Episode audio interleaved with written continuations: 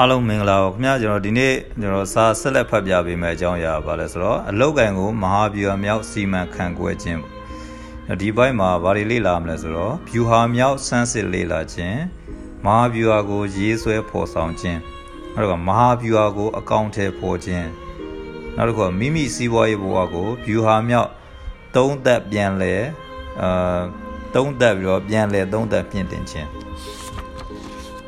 အဲ့တော့ဒီပထမဆုံးနေရောပါလိမ့်လားအလောက်ကိုင်းနဲ့မဟာဗျူဟာဤအခန်းကဏ္ဍ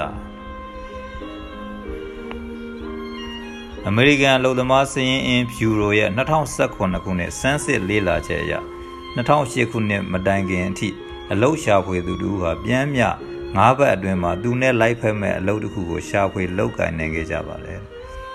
2008ခုနှစ်နောက်ပိုင်းမှာတော့အလုပ်တစ်ခုရဖို့အတွက်3လကနေတစ်နှစ်ကျော်အထိအချိန်ပေးလာ ချိန်ပေးလာရတယ်လို့ဆိုထားပါတယ်နောက်ထပ်စမ်းစစ်ချက်တစ်ခုကတော့အလောက်ကန်တွေရဲ့63ရာခိုင်နှုန်းဟာ9နှစ်ထက်ပိုမမြဲတာပဲဖြစ်ပါတယ်အမေရိကန်တွေကဘဝတသက်တာမှာအတိအကျအပြင်အသက်18နှစ်မှ48နှစ်အတွင်းမှာပြန်မြအလောက်ကန်18ကြိမ်ရှာဖွေကြရတယ်လို့စရင်အဗျူရိုကစမ်းသစ်ဖော်ပြပေးထားပါတယ်အရင်တုန်းကအလုပ်တစ်ခုရလာပြီဆိုရင် တသက်လုံးလောက်ကင်ရှင်သန်နိုင်ခဲ့ကြပါတယ်အခုခါမှာတော့လောက်ကင်ရှာဖွေရေးဟာဘဝမှာတသက်တစ်ခါဆုံးဖြတ်ရတဲ့ကိစ္စမဟုတ်တော့ဘဲနဲ့ဘဝတသက်တာလုံးရုန်းကန်ပြီးတော့ထက်ခါထက်ခါရွေးချယ်နေရတဲ့အရာဖြစ်လာခဲ့ပါတော့တယ်ခုဖော်ပြခဲ့တာတွေကအမေရိကန်နိုင်ငံရဲ့စရင်အင်းတွေဖြစ်ပေမဲ့ဖွံ့ဖြိုးဆဲနိုင်ငံတွေမှာပိုပြီးတော့အခက်အခဲရှိဖို့ပဲရှိနိုင်ပါတယ်ဒါကြောင့်အလုံးရှာဖွေရေးဟာဘဝမှာမဟာဗျူဟာမြောက်စီမံချက်နဲ့လှုပ်ဆောင်ရမယ့်ကိစ္စရဲ့ကြီးတစ်ခုဖြစ်လာခဲ့ပါတော့တယ် ကျွန်တော်ဟိုရင်တော့ကတော့အလုပ်တစ်ခုဆိုရင်စိုးစိုးမြဲမြဲလုပ်လို့ရအလုပ်ကန်အလုပ်ကန်လည်းကြောက်တယ်မပေါ်ဘူးခုခေတ်ကတော့ကျွန်တော်အလုပ်ကန်တွေလည်းပေါ်လာအဲ့တော့အလုပ်ကန်ပေါ်လာတဲ့နဲ့များကျွန်တော်ဘာဖြစ်လာလဲဆိုတော့အလုပ်ပြောင်းရတယ်လည်းပို့ပြီးတော့ဖြစ်လာဒါကြောင့်ကျွန်တော်တို့အလုပ်ကန်ကိုဟိုက view ဟာမြောက်စီမံခန့်ခွဲထပ်ဖို့လိုလာပြီရည်ရွယ်ချက်နဲ့လှုပ်ဆောင်ခြင်းဒါကိုကျွန်တော်ဘယ်လိုခေါ်လဲဆို mission လို့ခေါ်တယ် mission လူတွေကရည်ရွယ်ချက်ကိုယ်စီနဲ့လှုပ်လှုပ်နေကြရတာပါတချို့ကကိုမိသားစုစားဖို့နေရေးအတွက်တချို့ကြတော့လေဒီထက်ပိုမြင်မားတဲ့ mission ရည်ရွယ်ချက်နဲ့ရှင်တဲ့တာဝန်နဲ့စီးပွားရှာနေကြရတာဖြစ်ပါတယ်လူလူတိုင်းလူတိုင်းဟာကိုယ်တာဝန်နဲ့ကိုဒါကိုယ်ရည်မှန်းချက်နဲ့ကိုအလုပ်လုပ်နေကြတချို့ကြတော့လေကိုမိသားစုအတွက်တချို့ကြတော့လေဒီထက်မြင့်တဲ့မြင်မားတယ်ပေါ့အမကိုပတ်ဝန်းကျင်အတွက်ကိုဆွေမျိုးတွေအတွက်ကိုနိုင်ငံအတွက်စသဖြင့်ပိုမြင်မားတဲ့ mission တွေရှိတယ် တခါတော့စီမံခန့်ခွဲရေးခရုကြီးပီတာဒရက်ကာဟာမြို့တော်ခမ်းမစောက်လို့ရေးလုပ်ငန်းခွင်မှာအုပ်စီနေတဲ့အလုပ်သမားလေး၃ဦးကိုအခုလိုပဲသူတေသနာပြုခဲ့ပါတယ်ပီတာဒရက်ကာဟာစိတ်ပြက်တဲ့အသွင်နဲ့ပြင်းရည်စွာအုပ်စီနေတဲ့ပထမဆုံးလူငယ်လေးနာချင်းကပ်ပြီးတော့ဘာတွေလုပ်နေတာလဲလို့တိတိကြီးနဲ့မေးလိုက်ပါတယ်ဒီခါမှာလူငယ်လေးကကျုပ်အလုတ်ရှင်ခိုင်းတာတွေကိုပြီးအောင်လုပ်နေတာလို့ညှီးညူပြီးတော့ဖြေကြားလိုက်ပါတယ်နောက်ထပ်အား အာမန်အပြည့်နဲ့အုပ်စီနေတဲ့ဒုတိယလူငယ်ကိုဆက်လက်မေးမြန်းရမှာကျုပ်မိသားစုဝမ်းစာတို့ငွေရှာနေတာဆိုပြီးတော့သူ့ကိုယ်တောင်လှည့်မကြည့်ပဲနဲ့ပြန်ဖြေလိုက်ပါတယ်ပီတာဒရာကကြည်နူးပျော်ရွှင်စွာအုပ်စီနေတဲ့နောက်ဆုံးလူငယ်ကိုမေးမြန်းလိုက်တဲ့အခါမှာတော့ကျုပ်နိုင်ငံတော်ကိုတိဆောက်နေတာတစ်ချိန်မှာတမိုင်းဝင်မဲ့ဒီအဆောက်အဦကြီးမှာတခန်းတကန်တာပါဝင်ခွင့်ရတာကျုပ်တို့အရန်ကန်ကောင်းတာပဲဆိုပြီးတော့ဂုံယူဝမ်းမြောက်စွာ ပြန်ဖြေချလိုက်ပါတယ်နောက်ဆုံးမှာစီမံခန့်ခွဲရေးဂုရုကြီးကသူ့ရဲ့အလုပ်ရှင်သူတို့ရဲ့အလုပ်ရှင်တန်းသွားပြီးတော့ဒီအုပ်စီသမား၃ဦးရဲ့ကိုရေးအချက်လက်တွေကိုမှတ်သားထားလိုက်ပါတယ်နောက်နှစ်20ကျော်ကြာတဲ့အချိန်မှာတော့လူငယ်တွေထဲကတဦးဟာဆင်းရဲတဲ့အုပ်စီသမားဘဝနဲ့ပဲတော့ဆက်လက်ရုန်းကန်နေရပါတယ်နောက်တဦးကတော့ဒီမျိုးကလေးမှာစောက်လို့ရေးလုပ်ငန်းရှင်တူဖြစ်လာခဲ့ပါတယ်နောက်ဆုံးတူကတော့ဒီဒေသရဲ့မြို့တော်ဝန်ဖြစ်ပါတယ် ဘယ်သူကဘာဖြစ်သွားတယ်ဆိုတာသာဘပိဋကကြီးရိပ်ရိပ်စားမိမှာပါဒါကြောင့်ကိုယ့်အလုပ်ပေါ်မှာထားရှိတဲ့ရည်ရွယ်ချက် mission ဟာကိုယ့်ရဲ့ဘဝကံကြမ္မာကိုဖန်ဆင်းလိုက်ခြင်းပဲဖြစ်ပါတယ်ဒါကြောင့်ကိုလှုပ်တဲ့အလုပ်ပေါ်မှာကိုကဘယ်လိုထားလဲကိုလှုပ်တဲ့အလုပ်နဲ့ပတ်သက်ပြီးတော့ကိုကရည်မှန်းချက်ဘယ်လောက်ရှိလဲဆိုတာကကိုကိုကိုပုံဖော်ပေးလိုက်တာဒါကြောင့်ဒါကိုကျွန်တော် Peter Drucker ဘာပြောလဲဆိုတော့ mission defines strategy and the strategy defines structure အဲ့တော့ mission ဆိုရဲဟိုရည်ရွယ်ချက်ကမဟာဗျူဟာတွေကိုဖော်ဆောင်ပေးတယ်အဲ့တော့ strategy လို့ခေါ်တဲ့မဟာဗျူဟာတွေကကျွန်တော်တို့ structure လို့ခေါ်တဲ့ကိုယ့်ဘဝကိုပုံဖော်ပေးလိုက်တာအဲ့တော့ကိုလုပ်တဲ့အလုပ်တွေကိုကျွန်တော်တို့လည်း viewer ကြကြလှုပ်ဆောင်ပြီးတော့ကိုယ့်ကိုယ်ကိုပုံဖော်ပေးဖို့လိုအပ်တယ်လုပ်ငန်းဤရည်ရွယ်ချက် mission ကိုချမှတ်ပြဋ္ဌာန်းခြင်း လုပ်ငန်းတစ်ခုရဲ့တာဝန်နဲ့ရှင်တဲ့ mission ဆိုတာ AR မှ corporation ကြီးတွေမှပြဋ္ဌာန်းရတာမဟုတ်ဘူးဆိုတာရှေးကအုပ်စီသမား၃ယောက်ကတက်တည်ပြခဲ့ပြီးဖြစ်ပါတယ်ဝန်ထမ်းပဲဖြစ်ဖြစ်အသေးစားလုပ်ငန်းရှင်ပဲဖြစ်ဖြစ်ကိုယ်လုပ်ငန်းရဲ့ mission ကိုပြဋ္ဌာန်းကြရတာပဲဖြစ်ပါတယ်လူတိုင်းလူတိုင်းမှာအလုံးနဲ့ပတ်သက်ပြီးတော့ mission တစ်ခုချမှတ်ထားဖို့လိုတော့လူတိုင်းလူတိုင်းမှာကိုယ်လုပ်ငန်းနဲ့ကိုယ်လုပ်နေတဲ့လုပ်နဲ့ပတ်သက်ပြီးတော့ရည်မှန်းချက်ပန်းတိုင်းချမှတ်ထားဖို့လိုဒီနေရာမှာအလွယ်ဆုံး mission ချမှတ် ချမှတ်ရေးနီလန်ကတော့ဘယ်သူတွေကိုဘယ်လိုနီးနဲ့အကျိုးပြုနိုင်မဲ့လုပ်ငန်းတစ်ခုကိုဖန်တီးတည်ဆောက်မလဲဆိုတဲ့ formula ပဲဖြစ်ပါတယ်။နော်အလွယ်ဆုံးကဘာလဲဆိုရင်ဘယ်သူတွေကိုဘယ်လိုနီးနဲ့အကျိုးပြုနိုင်မဲ့လုပ်ငန်းတစ်ခုကိုဖန်တီးတည်ဆောက်မလဲ။ဒီမှာဆိုရင်ဇာတ်ကွက်လေးရှိတယ်။ဘယ်သူကိုကိုကဘယ်သူကိုဘယ်နီးနဲ့အကျိုးပြုနိုင်မလဲ။အဲ့တော့ဘယ်သူကိုဆိုရင်ဘယ်သူတွေရဲ့လိုအပ်ချက်နဲ့လိုအင်ဆန္ဒတွေကို ဆိုတော့ marketing market targeting ဘယ်သူတွေကိုကိုက target ထားမလဲ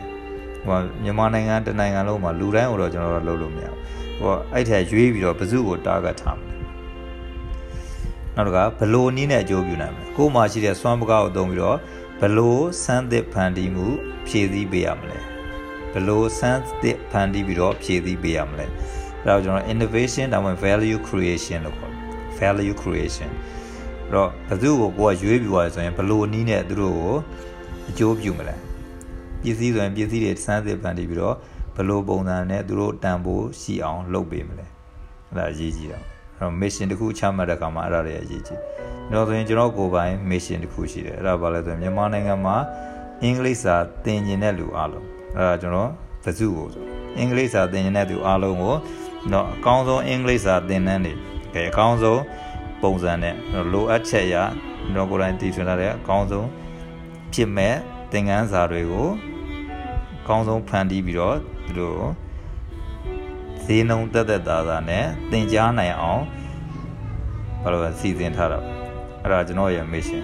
အင်္ဂလိပ်စာမြန်မာနိုင်ငံမှာရှိတဲ့အင်္ဂလိပ်စာသင်ရတဲ့အားလုံးအားလုံးကိုဈေးနှုန်းတက်တက်သားသားနဲ့အင်္ဂလိပ်အကောင်းဆုံးအင်္ဂလိပ်စာသင်ခန်းစာတွေကိုသင်ယူနိုင်ရမယ်အဲ့ဒါကျွန်တော်ရဲ့ mission ပေါ့ အဲ့တော့ညမှာကျွန်တော်တို့ Peter Drucker ကပြောလဲဆိုတော့ business has only two basic functions marketing and innovation တော့စီးပွားရေးတစ်ခုလုပ်မယ်ဆိုရင်အခြေခံအားဖြင့်လှုပ်ဆောင်ရမယ့်အချက်နှစ်ချက်ပဲရှိတယ်နံပါတ်1က marketing ကိုယ်လုပ်ငန်းကိုလူတွေသိရနံပါတ်2က innovation ကိုယ်မှာဘာရှိရမလဲဆိုရင်စမ်းသစ်ဖန်တီးနိုင်သွားရှိရကိုထုတ်ကုန်ဆိုရင်ကိုထုတ်ကုန်ပစ္စည်းတွေကလူတွေကိုဘယ်လိုအကျိုးပြုမလဲ စမ်းသစ်ဖန်တီးနိုင်သွားရှိရလူတွေလိုချင်အောင်ဝယ်ချင်အောင်တီထွင်ကြံစနိုင်သွားရှိရအဲ့တော့အဲ့နှစ်ချက်နဲ့ပြည့်စုံဖို့လိုတယ်အဲ့တော့ကျွန်တော်တို့လည်း mission တစ်ခုချမှတ်ပြီဆိုရင်တော့ဘယ်သူကိုဘယ်လိုနည်းနဲ့အကျိုးပြုမလဲဆိုတာအရင်စဉ်းစားဖို့လိုဆယ်ရင်ကိုင်းတင်နန်းဆရာကြီးတူကသူ့တင်နန်းသားတွေကိုမေးလို့ရှိတဲ့မေးခွန်းတစ်ခုကိုပြန်သတိရမိပါတယ်အဲ့ဒီဆရာကြီးကစိုက်ကားစီးနှင်းသူတယောက်ဟာလန်ကီသုံးပြီးဆုံးသွားလို့တတ်မှတ်ထားတဲ့ကြက်900တန်ဖိုးကို စီးနှင်းသူကစိုက်ကားသမားကိုပေးတာလားစီးနှင်းသူကိုစိုက်ကားသမားကပေးလိုက်တာလားဆိုတဲ့မေးခွန်းပဲဖြစ်ပါမျက်မြင်နဲ့ရှင်ပြီးပြောကြတဲ့ဆိုရင်စီးတဲ့သူအိတ်ထဲကငွေ900ဟာစိုက်ကားသမားရဲ့အိတ်ကထဲရောက်သွားတာကိုလူတိုင်းမြင်ပြီးသားပါတကယ်တမ်းမှာတော့သွားလိုရာကိုပို့ဆောင်ပေးခြင်းအပြင်စိုက်ကားသမားကစီးနှင်းသူကိုတန်ဖိုးတစ်ခုဖန်တီးပေးလိုက်တာပဲဖြစ်ပါတယ်ဒါကိုကျွန်တော် value creation လို့ခေါ်တယ်ဒီတန်ဖိုးကိုပဲ တော့900လို့အများသတ်မှတ်ထားတဲ့စက်ကူငွေကြေးတစ်ချက်နဲ့ပြန်လည်အတိမတ်ပြုလိုက်တာပဲဖြစ်ပါတယ်ဒါကြောင့်အဖြေကကျက်900နဲ့ညီတဲ့တန်ဖိုးကိုစိုက်ကားသမားကစီးနှင်းသူကိုပေးလိုက်တာပါဒါကြောင့်စီးပွားရေးလုပ်ငန်းလုပ်တယ်ဆိုတာကိုကတစုံတယောက်အတွက်တန်ဖိုးတစ်ခုကိုဖန်တီးပေးဆက်လိုက်ခြင်းပဲဖြစ်ပါတယ်ဒီအတွက်တစ်ဖက်သားကပြန်လည်အတိမတ်ပြုတဲ့အနေနဲ့ငွေကြေးပုံစံနဲ့ပြန်လည်ပေးရမယ်ဆိုတာအထူးတော်ပြောစရာမလို ဒါကြောင့်ကျွန်တော်တို့ ਨੇ စီးပွားရေးတစ်ခုလုပ်တော့မယ်ဆိုရင်စဉ်းစားရတော့ကိုကလူတွေကိုဘာတန်ဖိုးရှိအောင်လုပ်ပေးမလဲဘယ်လိုနည်းနဲ့ကျွန်တော်တန်ဖိုးရှိအောင်လုပ်ပေးအဲ့တော့သူတို့ကကိုချမ်းကိုပေးလိုက်တဲ့တန်ဖိုးအတိုင်းညီတဲ့တန်ကြီးကိုသူတို့ကပေးတယ်အဲ့တော့ကိုကစီးပွားရေးတစ်ခုလုပ်မယ်ဆိုကိုရဖို့အတွက်ပဲမကြည့်ပဲသူတို့ကိုကျွန်တော်ဘလို့တန်ဖို့မြင်အောင်မြင့်ပေးမယ်မကုံပစ္စည်းတစ်ခုရောင်းမယ်ဆိုရင်အဲကုံပစ္စည်းကသူတို့ဘလို့ အကျိုးရှိအောင်အသုံးချမယ်လေအဲ့ဒါတွေစဉ်းစားပြီးတော့ကျွန်တော်တို့ ਨੇ စီးပွားရေးလုပ်ဖို့လိုတယ်ရီမန်းချက်ပန်းတိုင်နဲ့စီးပွားရေးစီမံကိန်း1989ခုနှစ်တုန်းက Harvard တက္ကသိုလ်က MBA ကျောင်းသားတွေကိုသူတည်တနာပြုခဲ့ပါတယ်။ကျောင်းသားတွေကိုသူတို့ဘဝမှာခိုင်မာစွာပြဋ္ဌာန်းထားတဲ့စက်ကူပေါ်မှာခြာရေးထားတဲ့ရီမန်းချက်ပန်းတိုင်နဲ့ဒီရီမန်းချက်ပန်းတိုင်ကိုဖော်ဆောင်မဲ့စီမံကိန်းရှိမရှိမေးမြန်းပြီးတော့ဆန်းစစ်ခဲ့ကြပါ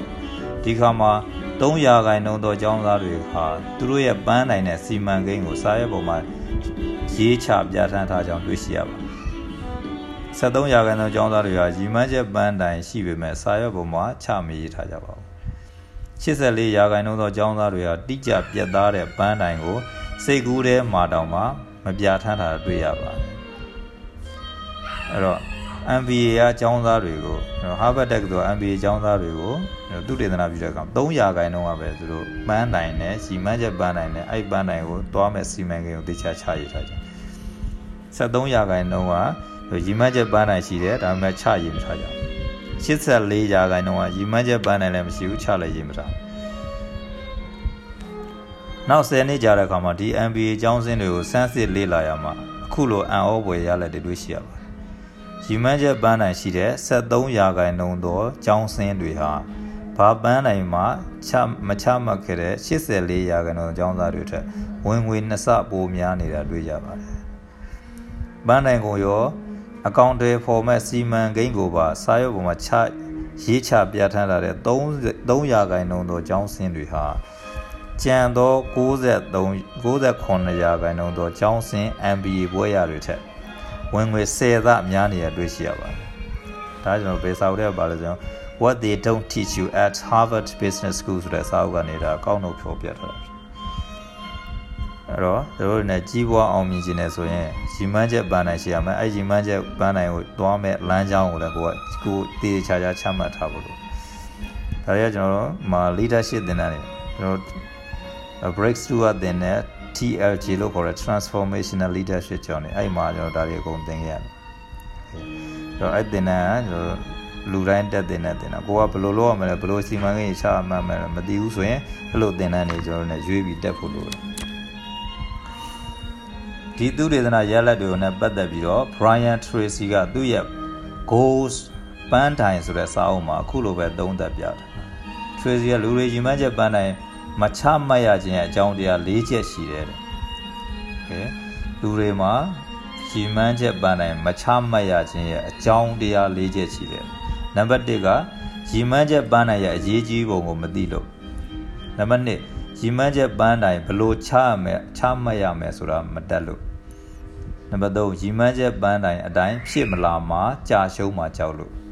နံပါတ်4ရီမှန်းချက်ပန်းတိုင်အတိုင်း ဖြစ်မလာရင်အများကဲရဲ့ဝေဖန်မှာကြောက်လို့ဒီချက်တွေကြောင့်လူလူတွေပန်းနိုင်မရှိရတာဖြစ်တယ်လို့သုံးသပ်ထားပါတယ်ဒါတကယ်အမှန်တရားပေါ့ကျွန်တော်တို့လူတိုင်းလူတိုင်းမှာပန်းနိုင်တချို့ကရီမန်းချက်ပန်းနိုင်ချမှမှမသိဘူးတချို့ကတိတော့သိတယ်ဒါပေမဲ့ဘလို့ချမှရမှမသိတချို့ကြတော့လေရီမန်းချက်ပန်းနိုင်လည်းသိတယ်ရီမန်းချက်ပန်းနိုင်ချဘလို့ချမှလည်းမသိတယ်ဒါပေမဲ့ပန်းနိုင်တဲ့ဖြစ်မလာမှာကိုကြောက်ကိုကချမှတ်တာလည်းအဲ့တိုင်းဖြစ်မလာမှာကိုကြောက် တချို့ကြတော့လေရီမန်းချက်ပန်းနိုင်တိုင်းဖြစ်မလာဘူးဆိုရင်လူတွေကိုယ့်ရဲ့ကိုယ့်ရဲ့ဝေဘာမှာကြောက်ဒါကြောင့်ကျွန်တော်ရီမန်းချက်ပန်းနိုင်မရှိကြဘူးတော့တက်နိုင်တော့ကျွန်တော်စာသင်တဲ့အခါမှာရီမန်းချက်ပန်းနိုင်ချမှတ်ပုံချမှတ်နည်းလေးကျွန်တော်အများဆုံးပြန်ပြီးတော့ပြောပြပေးတာရှိတယ်ပြောဆိုတဲ့အေးဟိုအရင်တော့ရီမန်းချက်ပန်းနိုင်ဘလို့ချမှတ်မှမသိဘူးအဲ့ဒါ smart goal လို့ခေါ်တာ smart goal ချမှတ်ပုံချမှတ်နေသိသွားရင်တော်တော်လေးအဆင်ပြေတယ် ပြီးရင်အဲ့ပန်းနိုင်ကိုသွားမဲ့လမ်းကြောင်းတွေကိုကတေချာစမ်းစစ်ဝေဖန်ပြီးလုပ်ပေးဖို့ကျွန်တော်တခါလေ Facebook မှာတင်နေဆိုတာလူများကိုချပြလဲတော့ကိုကမဖြစ်မနေလုပ်ရမှာဒါကြောင့်ကျွန်တော်နေနဲ့ Facebook မှာဒီတိုင်းတင်အဲကြွားရင်တော့တင်တာတော့မဟုတ်ဘူးအဲ့တော့ဒီလိုချပြလိုက်တာကိုကမဖြစ်မနေလို့ဟာလူတွေကငါကြည့်နေငါမဖြစ်မနေလုပ်ရတော့မယ်ဆိုတာကိုကိုဘာလုပ်လဲဆိုနေဆိုရင်อืมတွန်းအားပေးတဲ့အနေနဲ့ Facebook မှာတခါလေးတင်ရတယ် အဲ့တော့အလောက်ကန်ကိုမဟာဗျူဟာရေးဆွဲခြင်းအဲ့အလောက်ကန်ဖွံ့ဖြိုးရေးမဟာဗျူဟာဗျူဟာမြောက်စမ်းစစ်လေ့လာခြင်းတော့ viewer မြောက်ကိုယ့်ရဲ့အလုပ်ကိုင်ကို viewer မြောက်စမ်းစစ်လေ့လာမယ်ဆိုရင်မိမိရဲ့အနေအထားကိုစမ်းစစ်ခြင်းအလောက်ကန်ခွင်လန်းကိုစမ်းစစ်ခြင်းအကိုလက်ရှိအခြေအနေကိုကိုယ်ကစမ်းစစ်ဖို့လိုတယ်ပြီးရင်ကိုလက်ရှိအခြေအနေနဲ့ရနိုင်တဲ့အလောက်ကန်ခွင်လန်းကိုစမ်းစစ်ဖို့လိုအဲ့တော့အလောက်ကန်မှာပြောရေးဆွဲပေါ်ဆောင်ခြင်းလောက်ကန်မှာပြောရေးဆွဲပေါ်ဆောင်တဲ့အခါမှာရီမန်းချက် ရည်ရွယ်ချက်မူဝါဒစံတန်မျိုးမှာစံတန်ပိုးများချမှတ်တတ်မှတ်ခြင်းအဲ့ကိုရီမန်းချက်ပန်းနိုင်ရပါလဲပြီးရင်အဲ့ရီမန်းချက်ပန်းနိုင်တဲ့ကန့်ညီတဲ့စံတန်ပိုးတွေဒါမှမဟုတ်ရင် value တွေကပါလိမ့်ဖြစ်မယ်ပြီးရင် viewer မြောက်ဆုံးဖြတ်ချက်များချမှတ်ခြင်းကိုအဲ့လိုတန်ဖိုးတွေရီမန်းချက်နဲ့ကိုက်ညီတဲ့မဟာ viewer တွေကိုချမှတ်မဟာ viewer အကောင့်ထဲပေါ်ခြင်းအဲ့တော့အလောက်ကန်ရရှိရေး မဟာ viewer အကောင့်ထဲပေါ်ဆိုတာအလောက်ကန်နဲ့ပတ်သက်ပြီးကိုက viewer တွေချဖို့ပါတယ်အဲ့ဒါကိုတော့အကောင့်ထဲပေါ်လို့လို့တော့အလောက်ကန်ရရှိဖို့အတွက်လုပ်ရမယ်နောက်တစ်ခါအလောက်ကန်ဖွံ့ဖြိုးရေးတယ်လို့အလောက်ရပြီဆိုရင်အဲ့ဒီအလောက်ရတဲ့အလောက်မှာကိုကတစင်ချင်းယာရုတက်တာပဲဖြစ်ဖြစ်ဝင်ငွေတိုးတာပဲဖြစ်ဖြစ်အဲ့လိုအလောက်ကန်ဖွံ့ဖြိုးအောင်လုပ်ရမဟာဗျူဟာကိုပြန်လည်သုံးသပ်ခြင်းအလောက်ကန်ကိုသုံးသပ်ခြင်းစီးပွားရေးဘဝကိုသုံးသပ်ခြင်းတော့ကိုကအလောက်ကန်ကိုလုံနေတဲ့အလောက်ကန်ကိုပြန်လည်သုံးသပ်ပေးဖို့လိုတယ်ပြီးရင်ဒီအလောက်မှာလုံတဲ့ကြောင့်ကိုစီးပွားရေးနဲ့ ကတ်တွက်ချေကြိုက်လားမကြိုက်လားဒါတွေပြန်လည်သုံးသပ်ပေးဖို့လိုတယ်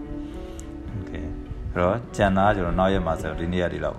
နေ့ပြန်မှာကျွန်တော် view ဟာမြောက်စမ်းစစ်လေ့လာခြင်းဆိုတာဆက်ပြီးတော့လေ့လာခြင်းအဲ့တော့ဒီနေ့ရတော့ဒီလောက်အားလုံးကျမ်းမာချမ်းသာစွာနဲ့တက်တော့တက်တာနေတဲ့ညကိုဆုတောင်းနေတယ် okay see you next time